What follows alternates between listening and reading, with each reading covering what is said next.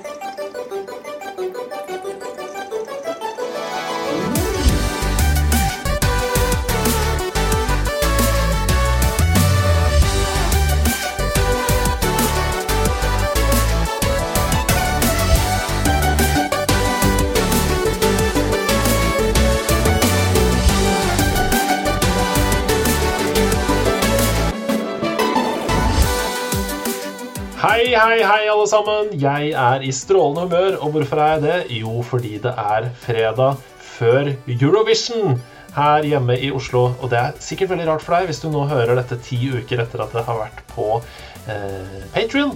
For da ligger du sikkert på stranda. Det er juli, du koser deg, eh, det er god stemning. Eh, Covid-19 finnes ikke lenger. Alle er vaksinert. Det er god stemning. Mens jeg sitter bare og venter på um, at det skal bli Eurovision. Uh, og jeg gleder meg stort. Uh, har starta Eurovision Fantasy sammen med noen venner, så vi er klare til å verve med vimplene. Um, men det er ikke det denne podcasten handler om, fordi dette er Sidequest. Og i Sidequest så snakker vi om ulike spill.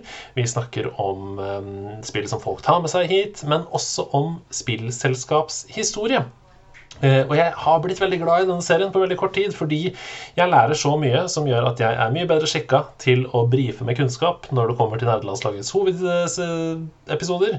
Um, og så kan jeg slå Stian i alle quizer framover. Så lite visste han om at Sidequest skulle på en måte bli min Ja, hva skal jeg si uh, fordel over han, da i, eh, i, spillkunnskap. Men nok om det. Nå skal jeg ikke filosofere meg vekk i dette, fordi det sitter en på andre siden av linja og venter på å komme til orde. Han heter, eh, akkurat som forrige uke, eh, fortsatt Grunde Almeland. Velkommen. Tusen takk.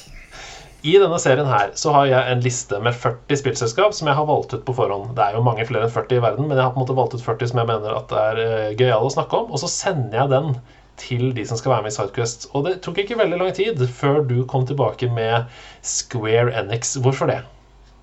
Åh, oh, altså Jeg må bare si jeg føler meg utrolig privilegert som får lov til å stjele til meg den episoden som skal handle om det som er det eh, selskapet som jeg vet om, som er best på å fortelle historier. Oh. Det, det, det, altså Square Enix for meg er et selskap som har gitt meg så utrolig mye tårer, eh, gode opplevelser og liksom nære forhold til spillkarakterer som ingen andre spillselskap eh, har gjort. Så da jeg fikk mulighet til å komme tilbake og velge et spillselskap, så var jeg utrolig glad og veldig overrasket over at ingen andre hadde valgt eh, Square Enix. wow. Eh, det er jo ikke akkurat noe dårlig skussmål du gir eh, selskapet her nå. Eh, tidenes beste historieforteller. Ja, vi får se, da. Vi får se når vi er ferdig med episoden. Um, jeg liker også at du konsekvent sier Square Enix. Det er jo helt riktig, selvfølgelig. Det skal vi komme tilbake til hvorfor er riktig litt senere. Uh, jeg sier Enix fordi jeg er en målbo Molbo uh, som er født i Oslo og ikke klarer å være internasjonal hele tiden. så takk for det. Takk for den dårlige selvtilliten helt innledningsvis. bare hyggelig. Men la oss bare komme i gang, fordi det er en ganske gøyal historie. Hvor mye vet du egentlig om historien? Du, altså jeg har bevisst prøvd å ikke eh, lese meg for mye opp på historien på, for, eh, på, forhånd, men jeg er jo klar over at Square Enix er jo et spillselskap som Hvis du utelukkende skal tenke på, på Square og Enix, så er det vel ikke lenger tilbake enn sånn to, tidlig 2000-tall, mm. men det har jo også en rikere historie da i i da, ulike selskap før det. Det er, en, det er, et, uh, det er en ja. fantastisk smash du gir meg der. Fordi Square Enix de var nemlig, som du sier, ikke i utgangspunktet ett selskap, som da noen tror Square Enix er en sammenslåing av selskapene Square og naturlig nok Enix. Og derfor så begynner selskapets historie i utgangspunktet på to ulike steder. Og eh, vi begynner med Enix, fordi Enix ble grunnlagt 28 2.9.1975 eh, under navnet Eidansha Bushu Service Center. Eh, og det var den japanske arkitektutdannede gründeren Yasuhiro Fukushima som eh, lagde Enix. selskapet det publiserte i begynnelsen tabloidaviser som reklamerte for kjøp og salg av eiendom. Så du kan, du kan se for deg sånn innstikk i Aftenposten. Der hvor det er boligannonser, rett og slett. Det var det Inex gjorde i begynnelsen, og da under navnet Eidansha Bushu Service Center. Altså, dette er jo utrolig fascinerende. Ja. Det, men eh, altså, jeg vet ikke det, Begynte alle spillselskap på en litt sånn rar måte? Eh, Nintendo-episoden, f.eks., så ja. fortalte du om at Nintendo så begynte jo ikke akkurat som med, med å produsere videospill. Nei da, der var det Love Hotels og Taxi og mye rart. Men det som er at spillmediet i seg selv, det er jo egentlig ganske ungt. Så mange selskaper som holdt på med liksom teknologi og sånn, Eh, de eh, hoppa plutselig over til å begynne å produsere spill. Um, og det er litt interessant. Men la oss fortsette, for uh, det nevnte Eidan Shabushu Service Center de hadde en plan om å gå landsdekkende i 1982 med sine eiendomstabloidaviser. Det gikk veldig dårlig. Kjempemislykka forsøk på å gå landsdekkende. Og da, i kjølvannet av det, så ble da datterselskapet Enix grunnlagt. Um, kun under navnet Enix. Og navnet Enix det er et ordspill på ordet Phoenix. Den mytiske mm. fuglen som gjenfødes da fra sin egen aske. Eh, og eh, altså Phoenix pluss ENIAC, eller ENIAC, da, som var verdens første digitale datamaskin. Så det er noe veldig poetisk med det at Eidan Shabushu Service Center eh, prøvde å gå landsdekkende. Det gikk skikkelig i dass. Og opp fra asken så ble eh, selskapet Enix født. Hæ? Det, det er altså en bedre sånn bakhistorie for et selskap. Det skal man vel lete lenge etter. Ja. Men Enix, dette datterselskapet, det stakk da en tå ned i havet, som vi kaller spillindustrien, ved å Og dette syns jeg er ganske kynisk, men de holdt en programmeringskonkurranse om dataspill. Uh, så de gikk ut og sa ja, eh, dere som er de, de, Nå skal vi appellere til alle de som kan programmere spill her. Og det beste spillet, det skal få eh, sin utgivelse gjennom oss. Og så skal vi tjene masse penger på det, så skal dere få litt eh, royalties, kanskje. det, var på en måte premissene for konkurransen. Og en av vinnerne av denne konkurransen, det var spillet Love Match Tennis. oi, oi, oi oh, jeg, har sett, jeg, har sett, det spillcoveret, og det Ja. Det ser, det ser, ikke akkurat ut som de spillene man får, uh, forbinder med, med, Square Enix i dag. Nei, og det, altså, det ble et av da Enix uh, sine første PC-utgivelser. Uh, en annen vinner av den samme konkurransen det var puslespillet Door Door av Koichi Nakamura. Uh, og Door Door det ble rett og slett et av selskapets mer kjente hjemmecomputertitler. Uh, Door Door ble porta til Nintendo Famicom, eller Nes, da, som vi kjenner den som i Vesten. Men det fikk aldri noe utgivelse utenfor Japan, så Door Door det uh, er et eksklusivt Japan-spill. Mm. Um, Koichi Nakamura, som lagde Door Door han ble ansatt og endte opp som en av Enix sine sentrale programmerere i de neste eh, mange mange åra. Så det er gøy. Um, til de som hører på, la dere inspirere av dette. Hvis det kommer en konkurranse i lokalavisen, og selskapet høres litt dodgy ut, uh, holdt på med noe uh, ja, eiendomsannonser i tabloidaviser og sånn. Det kan gå hele veien. Det kan gå hele veien. Ikke gi opp. Altså, jeg ser for, ser for, meg disse ulike, ulike utlysningene. Altså, det, jeg vet ikke hvordan de hadde, de hadde truffet i dag. Altså, Nintendo mm. med Altså, vi driver egentlig med Love Hotels, men uh, nå skal vi produsere spill. Vil du gi våre ideer tilnærmet gratis, så kan vi kanskje komme til å gi det ut. Det er, sant, det er den salgspitchen jeg tror uh, Ja. Jeg tror ikke den vinner gjennom i dag. Nei, men det er ca. sånn det var, tipper jeg. Um, og det, vi skal ikke snakke så mye om Enix, fordi i løpet av de neste årene så publiserte Enix flere spill for forskjellige japanske hjemmedatasystemer. Men Enix utviklet aldri spill i eget selskap. De eh, ønsket bare å være publishere. altså De ønsket å outsource produksjonen av spillene til andre utviklere. Mot at da utviklerne fikk royalties fra salgene. Eh, de var med andre ord først og fremst en utgiver og ikke en utvikler. Eh, og I denne serien her så har jeg valgt å fokusere på eh, selve utviklingen. Så Det er jo mange spill for eksempel, som er gitt ut på Square Enix, som ikke er laget av Square Enix. Da tenker jeg på f.eks. Life is Strange. Det kommer vi ikke inn på i denne serien. I denne episoden med det. Bare sånn at du vet det. Men Uh, den mest kjente spillserien som Enix i seg selv har gitt ut, er jo utvilsomt Dragon Quest-serien. Mm. Eller da Dragon Warrior, som det het i Nord-Amerika. Uh, og denne serien ble utviklet av Chunsoft. Et helt annet selskap. Ikke har noe med Enix å gjøre. Og derfor skal vi kanskje snakke mer om det en annen gang. Så nok om Enix. Hva med Square?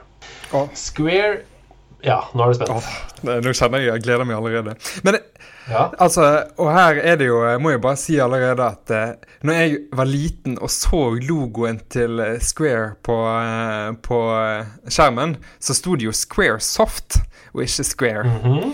Eh, men den logoen som, som kommer opp, den gir meg fortsatt i dag frysninger. Så det er helt riktig. Det er denne delen vi skal inn på nå, som nok jeg har et tettest forhold til. Herlig, herlig, herlig. Um, Square ble altså etablert i oktober 1983 som en datasystemavdeling for selskapet Denyusha. Og Denyusha det var et kraftlinjekonstruksjonsfirma. Eh, eid av da faren til Masafumi Miyamoto, som i 1986 sto bak selve grunnleggingen, av Square som spillselskap. Men det kommer vi tilbake til, for nå er vi fortsatt tre år før 1986. Um, spillutvikling på den tiden her, det ble vanligvis utført kun av liksom én programmerer.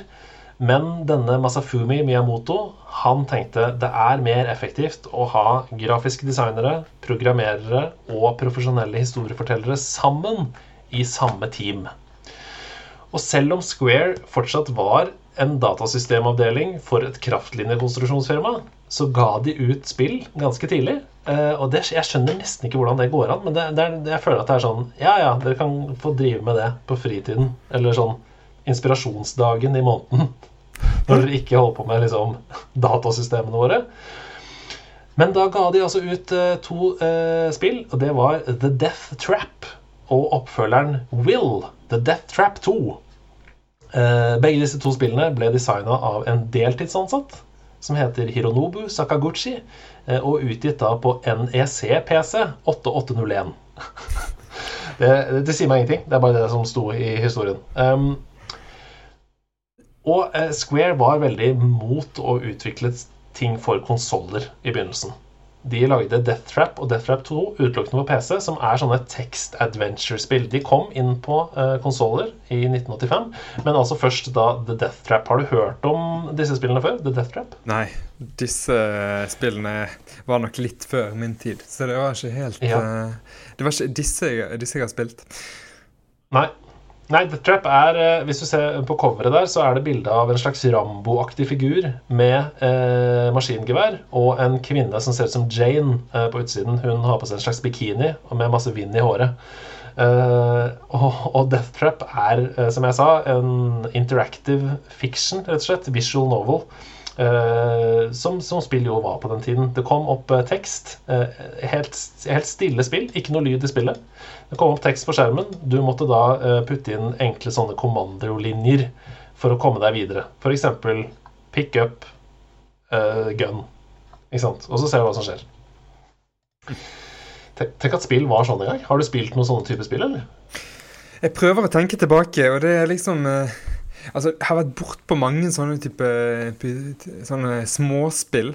Og det er egentlig det det minner meg om. da, sånne, Alle disse sånne småspillene jeg husker eh, liksom du var bortpå når du eh, Altså, eh, jeg husker jeg, jeg fikk en Gameboy når jeg var på Tenerife på charterferie med mine foreldre. Og det eneste spillet jeg fikk, var den der eh, 2300 games in one eh, Oh, akkurat samme her. disket. og jeg elsket å spille alle disse her småspillene da med ulike versjoner av eh, det samme spillet, bare i litt forskjellige fargekombinasjoner. Nei, det var Og det, er- kanskje det, det er liksom en litt sånn enklere verdenaktig mm, ja, assosiasjon jeg får, da. Mm. Det som var med disse spillene, var jo at uh, det var jo veldig lett å leve seg ganske hardt inn i det. Fordi du sitter jo der da foran en skjerm med tekst, og du må liksom lage bildene i hodet selv. Uh, så ja. Og jeg, syns jo det var superfascinerende og liksom at jeg kunne snakke Det føltes som om man snakka med en PC. på en måte Jeg husker at jeg var i kjelleren til eh, søsteren min. Eh, altså min eldre søster. Hun hadde jo venninner som hadde en bror eksempel, som var enda eldre. Så de hadde jo liksom PC i kjelleren med sånne gamle spill på og sånn. Og da husker jeg eh, at jeg kunne starte opp sånn og følte at jeg satt og snakka med PC-en. Og så var det sånn fascinerende å se sånn Hva kan jeg skrive for at, for at jeg kommer videre? Syns det var spennende. Ok.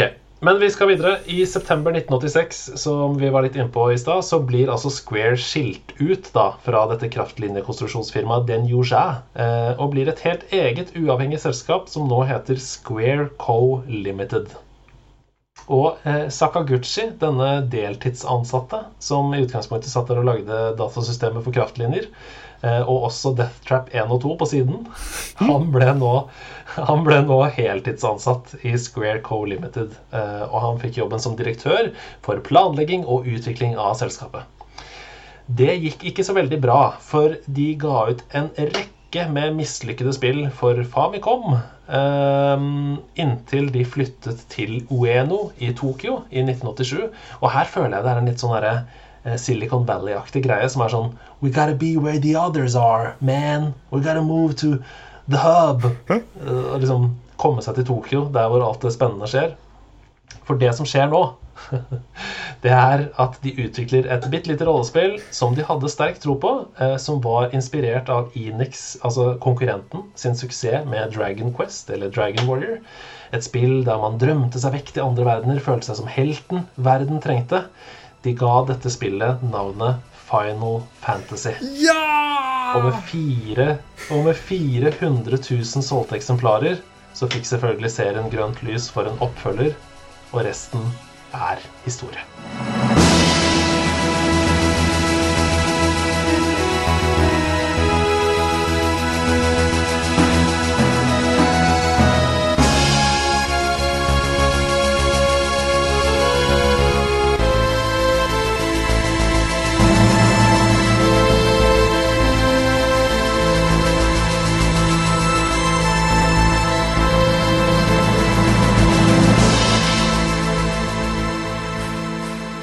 Origin-historien til, eh, til, Square, særlig akkurat det punktet vi er på nå, knyttet til Final Fantasy, det er jo en hel drøss med sånne urbane legender som har utviklet seg. Hva var det som egentlig skjedde? Hvorfor het det Final Fantasy? sant?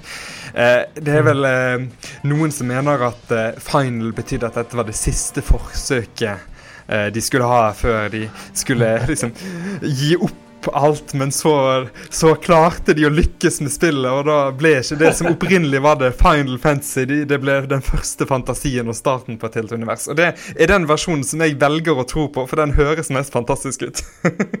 ja, ja, men det er helt uh, plausibelt, det. altså. Det hadde som sagt gått skikkelig dårlig lenge. Uh, og det, var, det føles jo som en krampetrekning, liksom. Det, den endelige Og det er jo mange kunstnere da, som blir eh, mer produktive og dyktigere av press, liksom. Eh, så det kan godt hende at det, det var eh, sånn det skjedde. Men, men, i denne serien her, når vi går gjennom spillselskap, så er det sånn at når vi kommer til det første spillet i en serie, da snakker vi om hele serien. Og det kan jo ta litt tid. Men la oss bare begynne. Eh, Final Fantasy. Har du noe for forhold til det aller liksom, første spillet, eller når var det du kom inn i serien? Altså, jeg kom jo inn i serien som veldig mange andre, Final Fantasy 7. Når, ja. når de fikk eh, Final Fantasy-serien inn på PlayStation og åpnet en hel verden uh, uh, inne på den bitte lille grå maskinen og sa at sånn er det man lager spill, folkens. Dette er måten å gjøre det på. Alle dere andre, se og lær. Um, mm. Og uh, altså, Hva var det som var så magisk med Final Fantasy 7 for deg? Altså, for det første er det sånn at når jeg tenker tilbake på Final Fantasy 7 i dag, så ser det jo mer ut som remaken i mitt hode enn de, mm. de firkantede eh, figurene som bevegde seg på skjermen den gangen.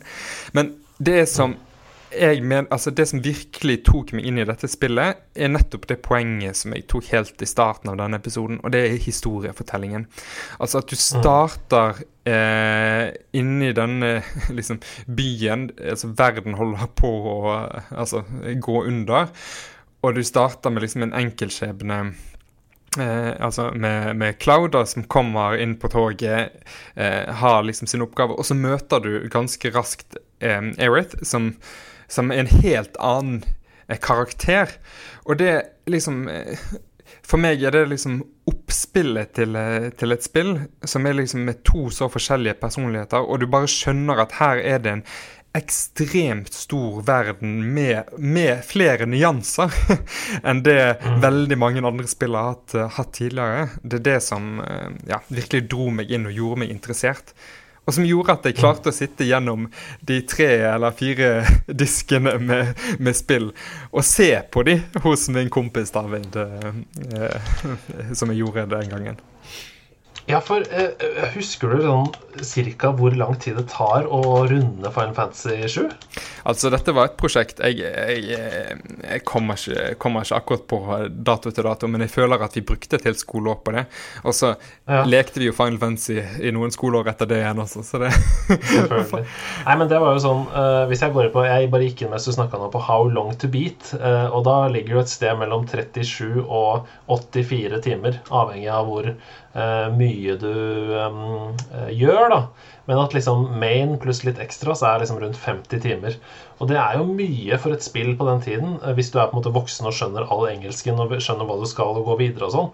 Eh, vi brukte jo minst et år på Carina of Time, og det var jo fordi vi skjønte jo ikke Altså, vi bare trykka oss videre, liksom, og gikk bare på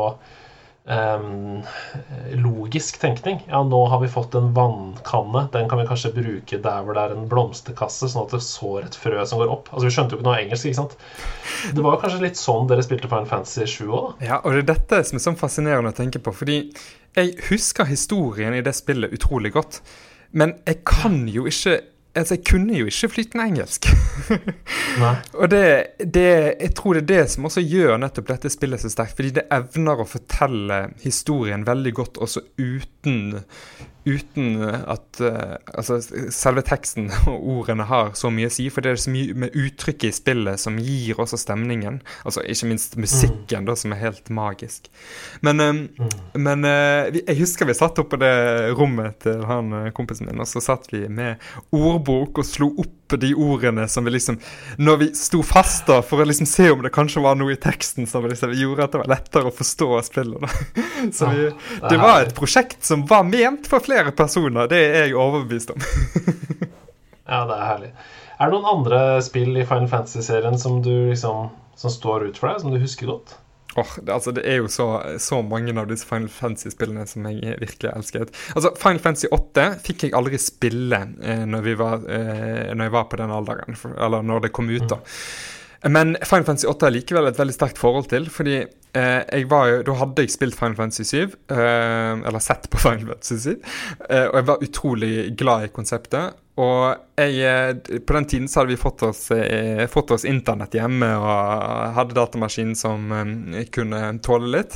Så da satt jeg og lastet ned med mange av disse cutscenene og lagde mine egne sånne filmer, sammenstilling av, av Final Fantasy 8 oi, til sånn oi, oi. Til Mariah Carries Eller Enrique Iglesias med Hero og sånt. Og når du ser ja, ja, ja. Skål og Leoda liksom komme sammen Nei, det var så jeg, jeg, Og så har jeg spilt det i seinere tid, da. Så det, jeg har, det, er et, det er også et spill som, som jeg husker gode sånn barndomsminner til. Men så er det jo de mm. nyere spillene, eller de spillene jeg har spilt liksom, i nyere tid, som kanskje eh, jeg har liksom virkelig liksom skjønt alle dimensjoner av hva universet er. Sant? Både alt fra Final Fantasy 12 til eh, 13. Eh, 13 er litt så som så for min del. Eh, men også nå 14. Og så har jeg akkurat fått med PlayStation 5 for en dag siden, så nå ligger Final Fantasy 15 og venter på meg på PlayStation. Ja. Det. Men, det, men, det, Final Fantasy-spillet som nok er det helt klart beste for min del, er Final Fantasy 10. Ja, det er det for Stian òg. Det er hans absolutt favoritt. Og det, det er eh, jeg har bare lyst til å si at fordi du sa Final Fantasy 7, det var jo da det på en måte virkelig brøt gjennom på verdensbasis som en kommersiell suksess i hele verden. Eh, og det er helt absurd for meg at Final Fantasy 8 kommer i 1999, 9 kommer i 2000, 10 kommer i 2001 og 11 kommer i 2002. Altså Det kommer fire enorme Final Fantasy-spill etter, uh, etter, hverandre med ett års mellomrom. Altså Det kommer ett Final Fantasy-spill i året. Altså I den perioden. Eh, altså det Altså hadde vi, vi, hadde ikke gjort noe annet enn å spille Final Fantasy vi hvis det fortsatt hadde den uh, frekvensen i dag. Det er jo helt sjukt. Altså, dette er jo 100-timersspill liksom, som kommer bare år etter år etter år. Jeg skjønner ikke hvordan de fikk det til. Men uh, det må ha vært lite søvn og mye sake i den perioden. Og mye kjærlighet. mye kjærlighet. Uh, men OK, vi Square, vi må videre i, fra Final Fantasy. For den perioden vi er her nå, etter at Final Fantasy 1 slippes, den er gullende god for Square. Og den perioden her så har jeg valgt ut noen titler som jeg har lyst til å snakke litt om hver av de. Og det første, det er Secret of Mama' til eh, Snes. Har du spilt det? Jeg har vært så vidt borti det i nyere tid. Det har kommet en ny Switch-versjon. Det var vel i sånn, hva var det, 2016, noe sånt? 20, ja. Så jeg har vært så vidt borti det. Men jeg har ikke, mm, har ikke de barndomsminnene fra det. For dette kom vel tidlig 90-tall. Ja, 1993. Mm. Uh, og det er jo et action-RPG uh, som på mange måter minner om ja, andre spill, som Final Fantasy f.eks. Beklager. Uh, men det ligger jo også nå på både Switch, på den Super Nintendo Online-løsningen der, og også på Snes Mini, for de som har det. så Secret of Mana er liksom hvis du har lyst til å gå tilbake i tid og få en følelse av liksom, hvor var det det begynte, hva var det de utforska, eh, ulike måter å, å utforske liksom, RPG-universet på, og sånn, så er sikkert Omana Mana et fint sted å være. Altså. Eh, jeg synes absolutt, eh, Fordi grafikken er som den er, vi snakka litt om det i episoden du var med med Kronotrigger og sånn, så har det også holdt seg rimelig godt. Altså. Så det er jo en grunn til at det er på Snes Mini. Eh, kan være verdt å plukke opp og kikke litt på hvis du er Final Fantasy og Square-fan. Mm. Eh, men la oss gå videre, fordi vi snakket en del om dette i eh, episoden. Men Krono Trigger kommer jo også i denne perioden. Det er et Square-spill, kommer i 1995. Oi, oi, oi, oi. oi. Eh, er det det beste RPG-et på Super Nintendo, da? Altså, det er jo et spill som jeg var så heldig og fikk oppleve først etter jeg ble kjent med, med eh, deg og resten av nederlandslaget. Så men altså, hadde jeg spilt det på uh, Hadde jeg vært så heldig at jeg hadde en mor som tillot meg å ha snes når jeg var så gammel, hvis vi begynner der, og jeg hadde spilt dette spillet, så tror jeg Altså, da tror jeg det hadde nok hatt like stor effekt på meg som det Final Fantasy 7 hadde jeg, på PlayStation 1. Mm. Ja, det tror jeg også. Jeg spilte det heller ikke. Jeg hadde ikke Snes. Det var bare min bestevenn Martin Hugo som hadde det, som jeg var hos nesten hver dag og spilte. Men han var ikke så interessert i RPG. Vi spilte mest plattformspill og sportsspill og sånne ting. Um, og PC-strategispill og sånn, men RPG var liksom ikke hans greie. Så Kronotrigger spilte jo heller ikke jeg før i voksen alder. Uh, så ja, Men jeg ser jo at jeg hadde elska det. Jeg elska jo Pokémon, f.eks. Uh, og jeg får jo mye av de samme Altså hvis du liker Pokémon, så er det ikke noen grunn til at du ikke skal like Kronotrigger. på en måte. Um, så ja, for Historien er jo helt uh, vanvittig bra. Og uh, vi var jo alle enige om at det hadde holdt seg som bare det i episoden uh, der du var gjest. Og så er det jo, som vi også sa i denne episoden, det er jo et spill som eh, satt litt sånn standarder for hva man kan gjøre med også historiefortelling. Både det at eh, det, at spillet trenger ikke være helt lineært, i den forstand at du kan ha ulike måter å, å ende spillet på. Altså Valget du gjør, har faktisk betydning for eh, hvordan spillet ender. Og det, mm. det, er det jo en ting som, som Trigger var først ute med. Eller i hvert fall veldig mm. tidlig ute med. Og fordi eh, spill som Secret of Mana og Chrono Trigger gjør det så utrolig bra på Super Nintendo, eh, så har jo Nintendo sjøl eh, innsett at wow, dette er et selskap som virkelig kan RPG. Hva om vi lar dem få vår gallionsfigur mellom hendene? I 1996 så kommer Super Mario RPG Legend of the Seven Stars, utviklet av Square under guidance av Shigeru Miyamoto. Hæ? Det er gåsehud. Super Mario er jo en ting jeg ikke har veldig stort forhold til. Så det, mm. jeg husker jeg, jeg, jeg, så dette spillet langt tilbake, men jeg tenkte reagerte ikke så veldig mye på det. Fordi det var ikke en av de der karakterene Altså JRPG-karakterene som jeg så etter. Og det, det tror jeg jeg angrer litt på i dag. Ja, det er et helt fantastisk bra spill. Virkelig, liksom. Altså, eh, Ligger på sånn 90 av 100 på game rankings og sånn. Fikk 10 av 10 Nintendo Life da det kom. Jeg syns det har holdt seg som bare det. Det uh, er kjempegøy å spille den dag i dag. Uh, men um, det har jo på en måte veldig mange likheter fra f.eks. Final Fantasy uh, når det kommer til um, gameplay, f.eks. Det er jo turn-based battles mot ulike fiender. Det er bare at de fiendene er f.eks. Gombas eller Kopas. Um, og så er det jo sånn at man tar inn en del um, elementer fra Mario-serien. Sånn at f.eks. når du hopper på fiendene uh, for å angripe dem, så kan du også trykke på uh, A da, for å attacke idet du treffer hodet, sånn at du får litt sterkere attack. Mm. Uh, som, som, jo det føles som å hoppe på et skjell ikke sant, i plattformspillene av Mario.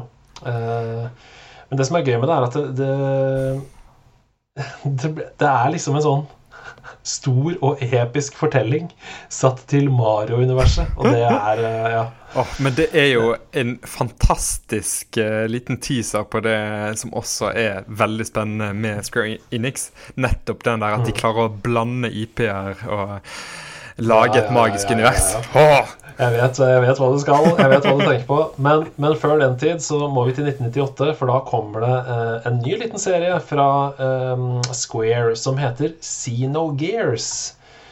Har du spilt noen av de spillene, eller? I Xeno-serien? Nei, det har jeg faktisk ikke gjort. Nei, for der har du liksom Det begynner med Xenogears i 1998, som blir en stor suksess. Og så kommer jo liksom Xenoblade Chronicles kom jo i 2010, og, og 3D, og oppfølger Xenoblade Chronicles 2. Og um, det er jo en RPG-serie som har fått veldig mye skryt, men som jeg aldri har vært borti. Um, så det har jeg ikke så veldig mye å si om, men jeg bare vet at det er bra. Ja, og det er vel også tilgjengelig lett på Switch i dag, i hvert fall den um noen av de nyere, er det ikke det? Jo da, absolutt. Uh, og Cineblade Chronicles uh, Definitive Edition uh, kom jo i fjor, i 2020. og har jo fått skikkelig bra kritikker. Wii-utgaven av Cineblade Chronicles har 92 av 100 på Metacritic, som jo virkelig er jo helt utrolig bra. Så det er gode RPG-spill, og visstnok veldig imponerende omgivelser. Store, åpne, fine verdener. Så ja.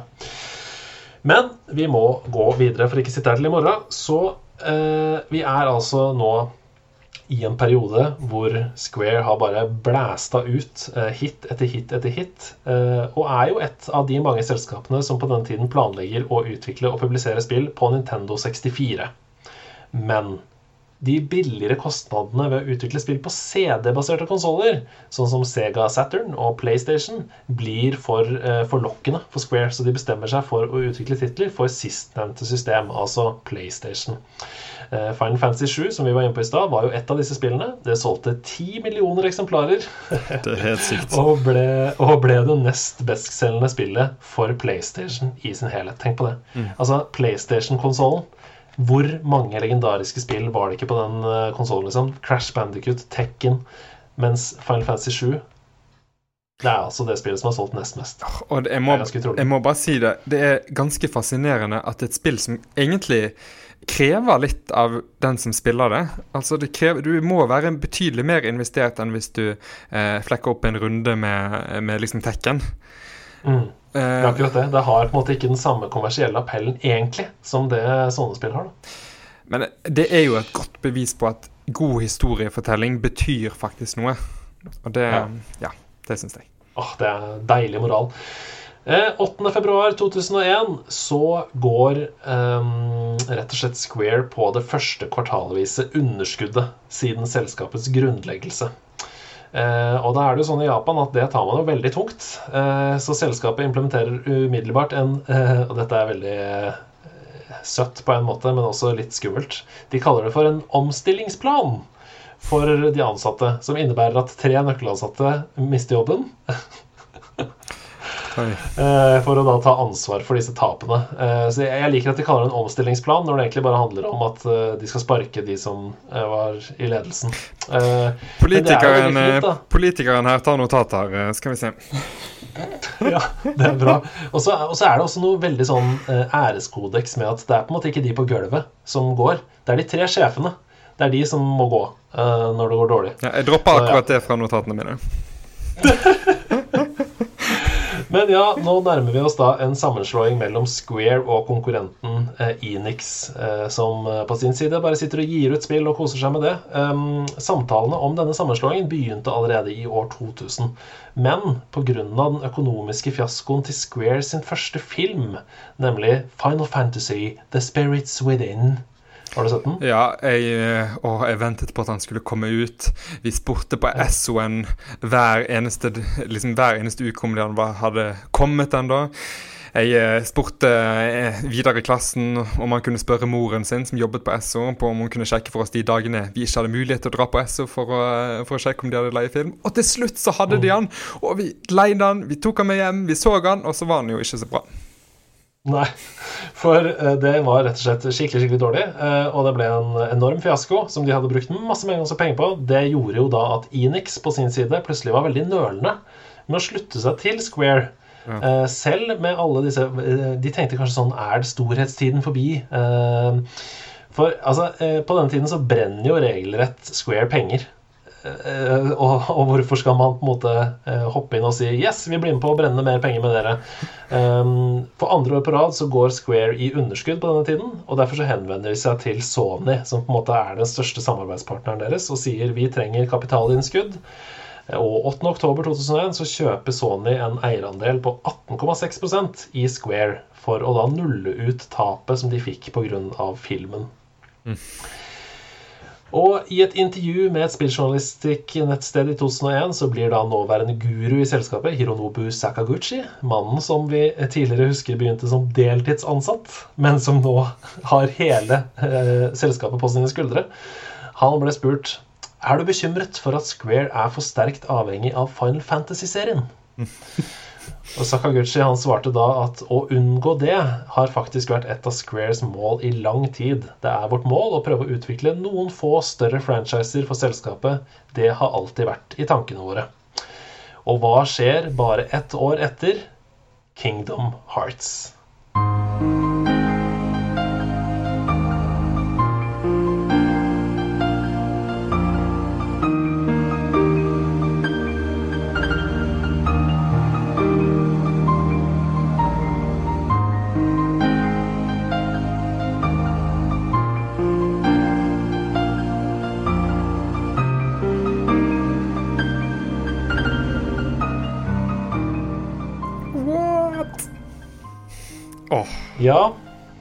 Kingdom Hearts, min gode mann. Fortell, hva er ditt forhold til serien? Altså um, Jeg var veldig glad i Disney-filmer da jeg var liten. Altså, Det å se på disse episke eventyrene, spesielt den uh, The Golden Era of Disney med alt fra Lion King uh, til uh, Ja, til Tarzan til eh, liksom Mulan. Altså, det, var, det var jo også liksom, fantastisk historiefortelling for unge gründere. Og når da mm. verdens beste spillselskap skal slå seg sammen med verdens beste filmselskap og lage historier, så må det jo bare bli helt fantastisk. Og resultatet er splitter pine galskap, men på en eller annen merkelig måte så fungerer det. ja, ja, ja. Det er kjempe det er kjempefascinerende hvordan på en måte langbein og Tidus holdt på å si, uh, går hånd i hånd rundt omkring i den verden her. Um, har du en favoritt i den serien? Har du spilt alle i det hele tatt? Altså, det er, det er et litt sånn vanskelig spørsmål. Det er jo tre hovedspill i serien. Kingdom Hearts ja, 1, 2 og 3. Ikke 2,5 HD remix og 4,7 uh, educational uh, edition på mobil. Okay. Altså, 2,8 final chapter prolog kommer jeg meg aldri gjennom, men ellers så er det Men uh, jeg har spilt uh, Jeg har spilt enen, og så har jeg spilt litt på uh, På um, toen. Og så har jeg spilt sånn Rechain og noen av de mellom. Men um, så har jeg faktisk ikke spilt treen ennå, og det også står på listen min over den, altså, denne berømte backloggen. Mm. Så jeg har faktisk treen igjen. Det er ikke så lenge siden den kom, men um, Neida. Så det er fortsatt innenfor hva som er tillatt, vil jeg påstå. Ja, det vil jeg absolutt si. Men da har du varmest minne fra det første spillet, da? Det har jeg. Det er jo tidlig 2000-tall. Det å se altså, en type JRPG-karakter i skjønn forening med Donald og gjengen, det å løpe rundt med et våpen som ser ut som en nøkkel, altså en keyblade, det Ja, nei, fantastisk. Mm. Jeg må jo bare si eh, sånn kort at du uh, har jo da, ut fra hva slags spillprofil jeg på en måte har gjort meg av deg, så liker du jo sånn slow-paced, lange turn-based uh, kampsystemer som tar litt tid og sånn. Det er ikke akkurat Kingdom Hearts. Altså Her er det jo Du skal chaine komboer, og det går dritfort, og det er uh, aggressiv spillestil. Eh, hva skjedde med Grunde her? Nei, altså, jeg er veldig dårlig i dette spillet. Det, jeg tror det, Hvis jeg hadde begynt med streaming, så er det ikke liksom denne typen spill du har lyst til å se meg streame, fordi ferdighetsnivået er relativt lavt. Men det ja. dette spillet har, er jo fortsatt et sånt historieelement. Og så Ja, historien er galskap, men den mm. er ganske fin, uh, og det er mm. faktisk mulig, til tross for uh, the popular opinion, så er det mulig å, å, sette seg inn og forstå historien. det krever bare at du investerer litt tid. Og der er det jo akkurat det er jeg jo ganske god på. Sitte med ned og prøve å forstå hvordan ting henger sammen. Åh, oh, det er en god egenskap. Etter suksessen da, til både Final Fantasy X, som blir en kjempesuksess, uh, og Kingdom Hearts, så oppnår Square igjen positive resultater. Økonomisk stabilitet. Alle uh, piler går opp, og alle tomler er i været. Og de registrerer altså nå den høyeste marginen i selskapets historie i regnskapsåret 2002. Og Derfor forsvinner selvfølgelig også all skepsisen til Enix eh, rundt sammenslåingen, og selskapet Square Enix blir dannet 1.4 2003. Og da, ah. folkens, da starter podkastepisoden med Square Enix. Nei, men det er liksom um, Mange av disse starten på disse seriene begynte jo uh, lenge før denne sammenslåingen, så vi har jo på en måte allerede bada mye i uh, etter 2003. Men um, bare for å dra litt sånn noen høydepunkter av eh, Square Enix sin eh, businessstrategi videre. da, fordi Siden fusjonen i 2003 så har Square Enix kjøpt flere selskaper. Og de har oppretta også flere datterselskaper. Ehm, F.eks. For, for å styrke eh, det trådløse markedet, altså mobilmarkedet, så kjøpte de ehm, mobilspillutvikleren UIE Evolution i mars 2004. De solgte riktignok selskapet igjen i desember 2007 fordi de isteden ville grunnlegge sin egen, nemlig Square Enix Mobile Studio, i januar 2008. Så det er litt sånn eh, nesten litt sånn kynisk. De kjøper opp et eh, mobilselskap, lærer alt de har å eh, komme med, og så selger de det igjen og starter sitt eget eh, i 2008. Altså, det, eh, det, det er mye kynisme i, i, i, eh, næringsliv. ja, definitivt. Men har du spilt noen mobilspill fra Square Enix? Altså, jeg, um, jeg, har spilt alle Final Altså, ikke alle. Jeg har spilt en god del av Final Fantasy eh, de tidlige Final Fantasy-spillene faktisk på mobil. For de er faktisk eh, tilgjengelig eh, som mobilspill. Men utover det så har jeg ikke veldig sterkt forhold til Square Enix Mobile. Nei. I denne perioden her så kjøper Square Enix opp et par utgivere og utviklere. F.eks. i 2005, hvor de kjøper eh, Taito, som er kjent for arkadespill som f.eks. Space Invaders og Bubble Bobble.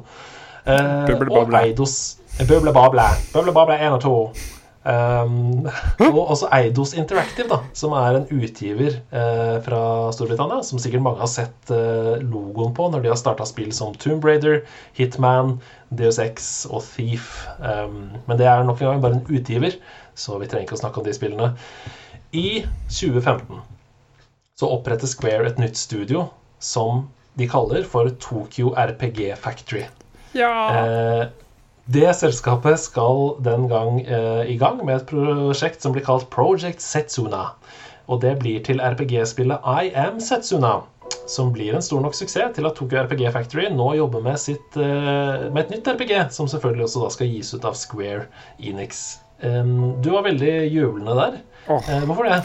Jeg har spilt I Am Setsuna, og det er et helt uh, magisk vakkert spill som uh, gir deg alt det du vil ha fra et uh, typisk uh, liksom RPG-nostalgi-tripp-aktig uh, opplevelse. I en utrolig vakker innpakning. Sant? Så hvis du, hvis du liksom ser for deg Ser for deg liksom mer sånn tidlig RPG, liksom tidlig Final Fantasy eller Dragon Quest, og blander det med litt sånn Ori-aktig eh, setting, liksom den magien, så, så får du I am Setsuna. Mm. Det er en god pitch, altså. Ja. Uh, er, du, er, du, gira på det neste spillet i serien der, eller? Oh. Det er ikke sikkert det er en serie, da. De har, det, jeg, bare, altså jeg, vet at de har fått midler til å lage et nytt RPG. Og det virker jo som det var et selskap som lagde noe som du uh, kicka på. Altså, eh, de, har vel, de har vel flere titler enn Ayam Setsuna som, som, er laget, men de har jeg ikke mm. spilt ennå.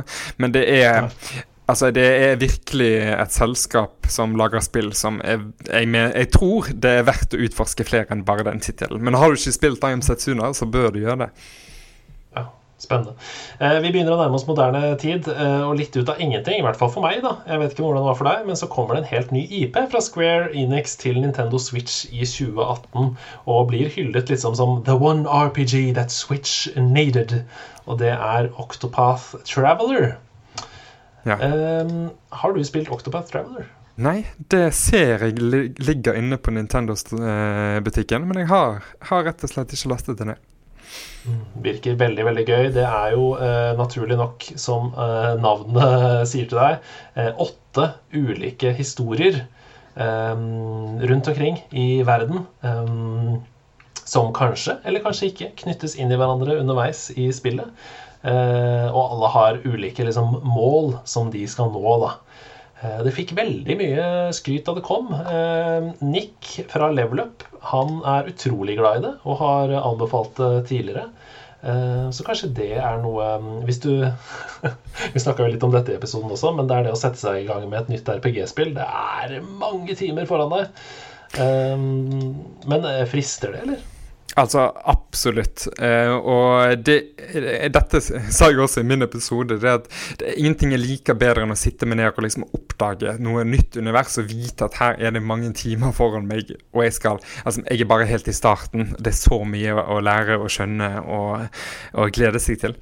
Så, så en, med en helt ny IP også absolutt ganske spennende. Men akkurat nå så, så har jeg som sagt eh, kjøpt denne eh, PlayStation 5-en, og nå begynte jeg på Uncharted i går kveld, og så har jeg eh, satt Final Fantasy 15 på nedlasting, så det Jeg tror de neste sånn 200-300 timene begynner å bli opptatt. Ja, jeg liker det. Du har committa til en fremtid med TV-spill. Uh, men ok, vi har jo holdt på i tre kvarter her nå. Hvis vi skal spå noe om fremtiden for Square uh, Enix, så syns jeg at den ser lys ut. I um, mars 2021 så ble det rapportert at Forever Entertainment, som er et polsk studio, jobber nå med å bringe flere av Square Enix, uh, Enix unnskyld, sine IP-er til da moderne systemer. Så det blir nok flere remakes i tiden som kommer, men det er også all grunn til å tro at det koker ganske godt i Square Enix-gryta for egne nye prosjekter. Sånn som Octopath Traveler. Jeg vet jo at eh, det jobbes med en oppfølger, eller i hvert fall et, en slags spirituell et spill i samme type stil som, som, det spillet. Det var en sånn stor annonsering som var sånn From the guys that made Octopath Traveler comes Jeg husker ikke hva det spillet heter nå, men uh, ja, eh, fremtiden. Det er jo mye in the works her. Er det noe spesielt du ser frem til? Er det noe du eh, tenker at vi burde ha snakket om, som vi ikke har snakket om, rundt Square Enix? Oh, altså Hvis vi skal se fremover, så eh, altså, det, det, er to ting jeg har liksom merket av i, i kalenderen min. Um, mm -hmm. Og det første er jo eh, Final Fantasy 14-utvidelsen, Endwalker. Uh, mm -hmm. Altså, hvis, eh, hvis, du eh, synes at MMO-sjangeren er litt overveldende, men du liker Final Fantasy, så mener jeg oppriktig at Final Fantasy 14 er et spill du bør prøve. Fordi du kan spille det som et selvstendig historiedrevet spill, der du nesten ikke trenger å blande deg inn i MMO-elementene.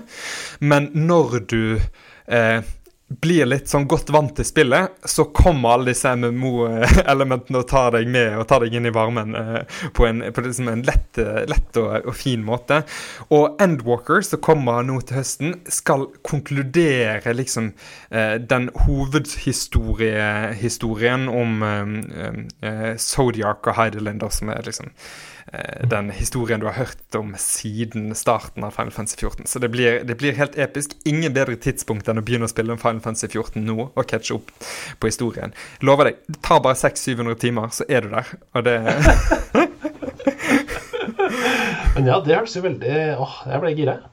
Ja, syns det. Og så kommer jo Final Fantasy 16, da. Det vet vi litt om ennå, men uh, herlighet. Ja. Det, er mye, det, er så mye, spill å se fram til, i tillegg til alt Åh, oh, nei. Det er mye å være hypa for, men uh, det fine med Square Enix er at det finnes så mange spill som allerede eksisterer, så du kan laste ned i dag og få deg en helt fantastisk opplevelse. Mm. Ja, det er eh, jeg, jeg tør nesten ikke Jeg kan nesten ikke se for meg at det er noe annet selskap som har flere spill som har holdt seg. Um, for mange av disse spillene som vi snakket om i sted, uh, Super Mario RPG, Krono Tiger, Secret of Mana, Final Fantasy 7 har jo holdt seg. Altså Dette er spill du kan plukke opp i dag og ha fantastisk gode opplevelser med. Altså, uh, og det er sjelden. altså. Ja, men altså Det er en grunn til at et spill som I Am Setsuna kan komme så seint på liksom, som tidlig 2010-tall og være bygget over mer eller mindre samme lest som gamle RPG-spill, og virke helt ferskt og nytt. Og det er også en grunn til at i Dragon Quest 11 så er det en valgmulighet å spille det i 2D-versjon. mm. det, det, er rett og slett fordi denne, denne måten å lage spill på har holdt seg. Nei, dette syns jeg var skikkelig koselig. Jeg håper du også hadde en god eh, tur gjennom Square og Enix og Square Enix sin historie. Um, er, det no, er, det noe moral som du har lyst til å ta med deg ut i natten? Oh, det er vel, uh, som vi sa, at det å fortelle gode historier, det er det beste grunnlaget for, uh, for, å lage gode spill. Så bruk tid på historiefortellingen for alle dere som sitter med en spillutvikler i magen. Jeg tar med meg at hvis jeg ser en annonse i et uh, eiendomstabloidavis uh, for noen som ønsker uh, spillutvikling, så skal jeg søren meg skrive en pitch. Så kanskje det ender opp med å bli noe som Love Match Tennis eller Door Door. Og plutselig så sitter jeg der uh, og må forsvare at, at, vi er nødt til å få på flere spill i seriene våre enn bare Final Fantasy-spill. Tusen takk for at du var med, Grunde. Eh, som sist gang, veldig, veldig hyggelig. Ehm, du får bare si, får si ha det til alle de som hører på, eh, og eh, nevne hvor de kan snakke med deg inne på Discord, hvis eh, de har lyst til det. Oh, tusen takk for at jeg fikk lov til å være med nok en gang. Jeg må bare si det altfor lenge mellom hver gang. Um, og, men hvis dere mot formodning ikke har fått nok av meg ennå, så er det mulig å ta kontakt med meg på Discord. Jeg heter Alms på Discord. Det er bare å tagge meg. Og så har jeg fått sånn egen tag på Discord. da Tenk på det, Du har fått en helt egen emoji og en tag. Ja, det... Du har fått emoji med Puzzle Pirate-emoji eh, og, og, taggen Puslepirat, er det ikke det? Jo, Puslepiraten. Så det er bare å tagge, tagge han der, så kommer jeg og hjelper deg med å få vann ut av båten eller noe sånt som det der. god helg, god Eurovision, god 17. mai, og til deg som hører på i juli, god sommer. Så snakkes vi snart igjen.